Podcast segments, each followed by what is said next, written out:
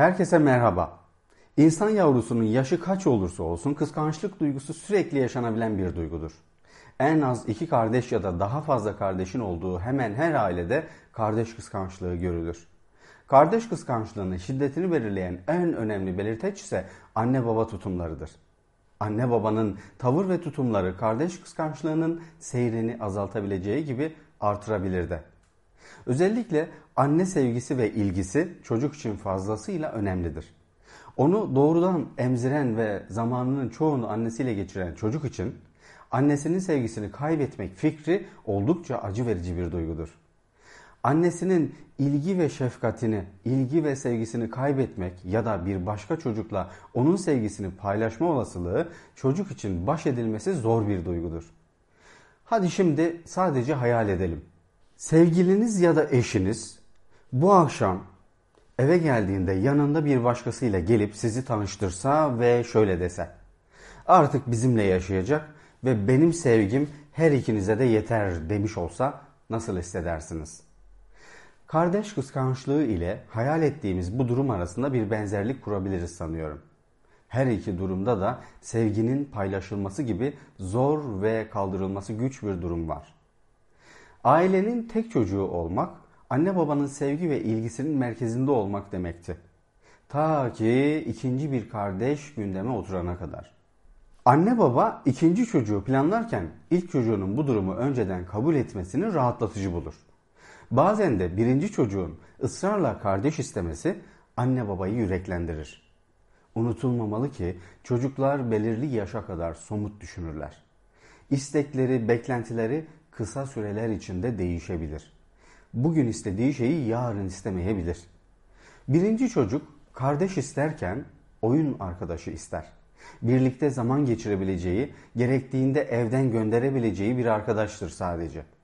Bir kardeşi daha olursa aynı evi belki de aynı odayı paylaşacağını bile düşünmez.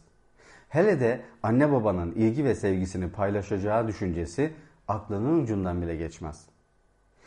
Yeni kardeşi daha da somutlaşıp doğum gerçekleştikten sonra çocuk için kırılmalar ve incinmeler başlar. Yeni doğan çocuğu görmeye gelenler, gelenlerin bebekle ilgilenmeleri ve onunla neredeyse hiç ilgilenmemeleri ilk çocuk için oldukça zor olduğunu tahmin edebiliriz.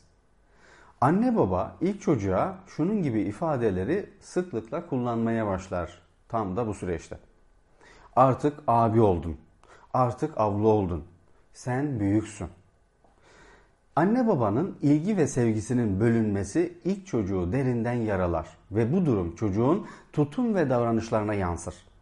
Bebeğin sağlık ve bakımına dair daha fazla zaman harcanması büyük çocuk için huzursuzluk yaratır. Uyku sorunları, alt ıslatma, hırçınlık, tırnak yeme, nedensiz ağlamalar, içe kapanma, arkadaşlarıyla kavga ve sürtüşme gibi uyum ve davranış sorunları ortaya çıkabilir. Aile içi iletişim ve ilişkilerin gelişimi açısından buraya kadar olanlar bir nebze kaçınılmaz şekilde yaşanabiliyor. Şimdiye kadar söylediklerim süreci betimlemekle ilgiliydi.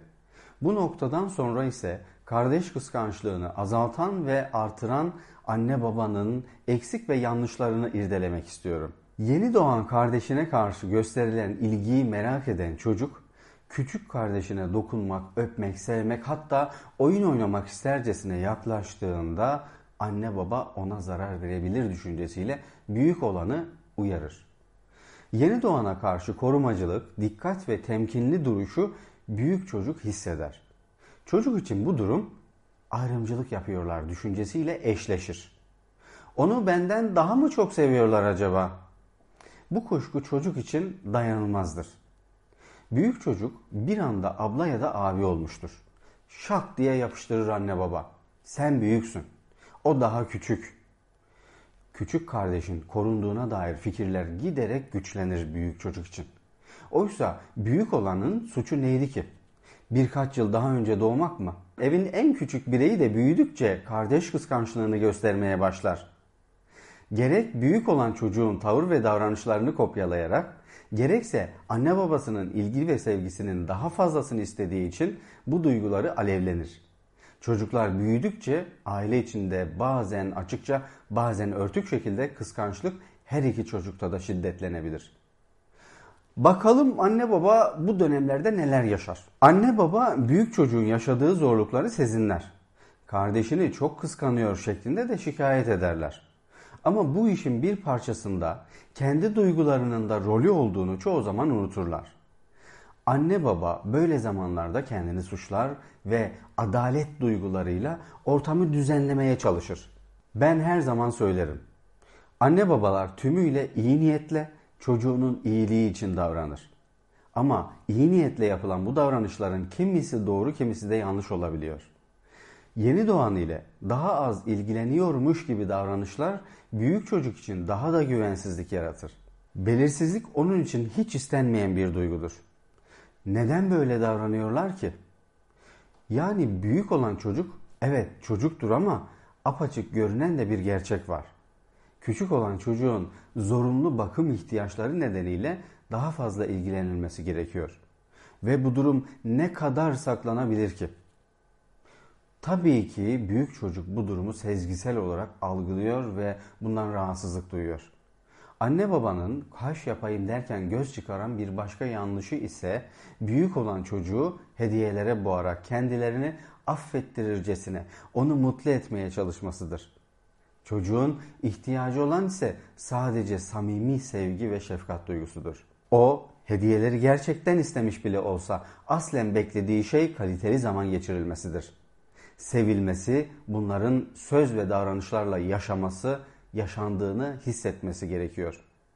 Bunun yerine her istediği yapılan, sevilmediğini hisseden, evet altını çiziyorum, çocuğun hissettiği duygu ben sevilmiyorum, ben değersizim.